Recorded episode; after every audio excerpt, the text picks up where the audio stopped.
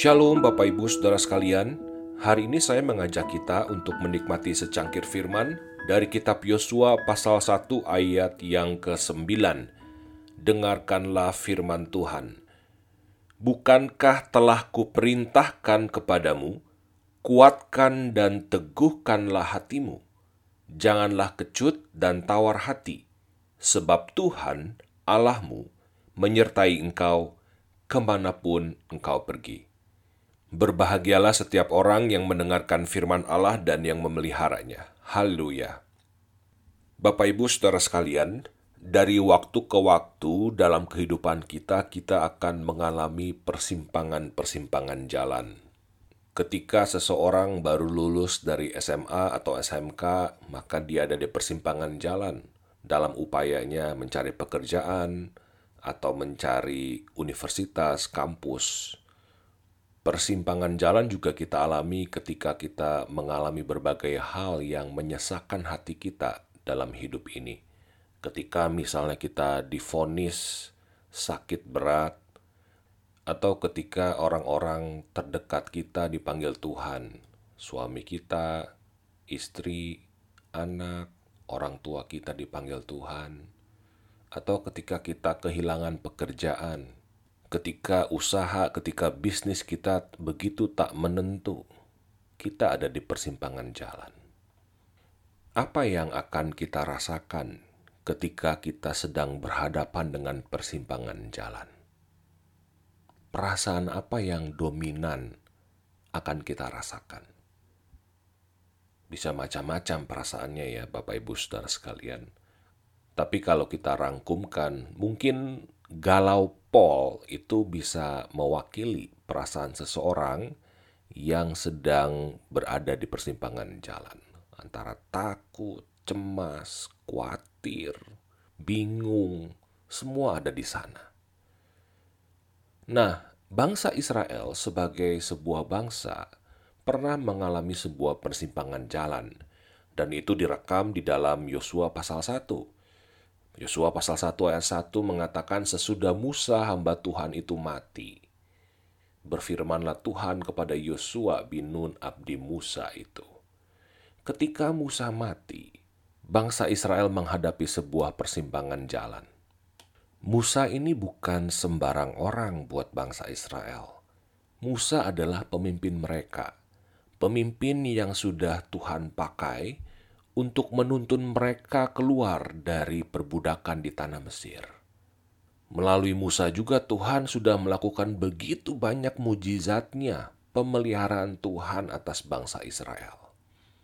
Sekarang sosok sang pemimpin ini mati. Ketika ada seorang pemimpin yang dampak positifnya sudah kita rasakan, kita alami, lalu pemimpin ini tidak menjabat lagi dan bahkan mati kira-kira apa yang akan kita rasakan? Pasti kita sedih. Dalam konteks bangsa Israel, mereka tentu bertanya-tanya, mereka meratap, kami ini belum sampai ke tanah kanaan, tanah perjanjian. Tapi sang pemimpin sudah mati. Apa jadinya kami? Di tengah situasi ini, Tuhan berfirman kepada Yosua, abdinya Musa. Dan Tuhan ini menunjuk Yosua sebagai penerus Musa.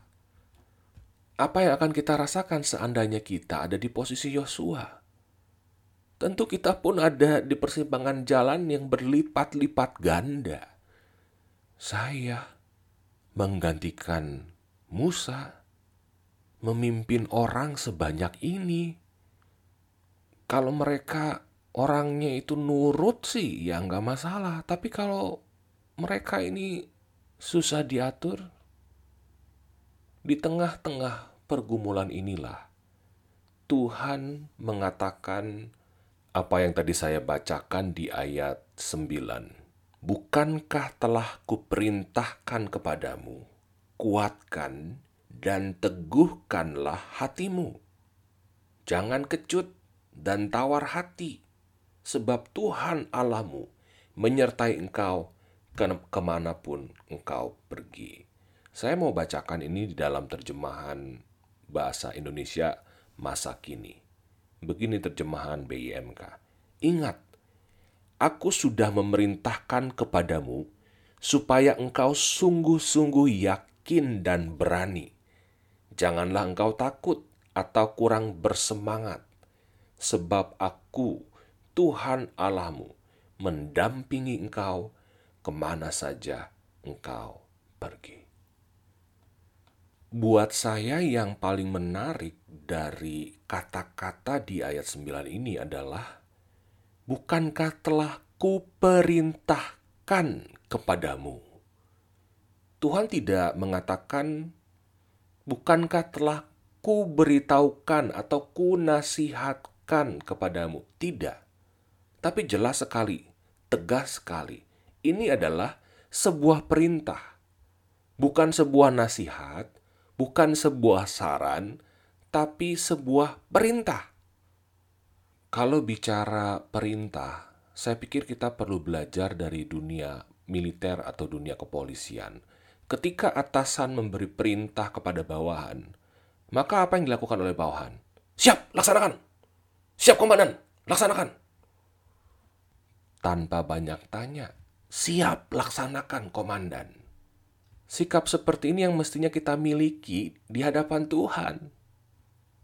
Kalau seorang prajurit bisa begitu taat pada atasannya tanpa banyak tanya, padahal atasannya ini ya manusia biasa seperti dia, bisa salah, manusia berdosa, tapi bisa begitu taat tanpa banyak tanya.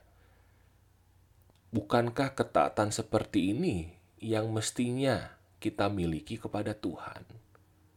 Saya pikir itulah sebabnya Rasul Paulus di dalam 2 Timotius 2 mengilustrasikan kehidupan kita sebagai pengikut Kristus itu ya seorang prajurit. Memang itu gambaran Alkitab tentang hidup kita di hadapan Tuhan.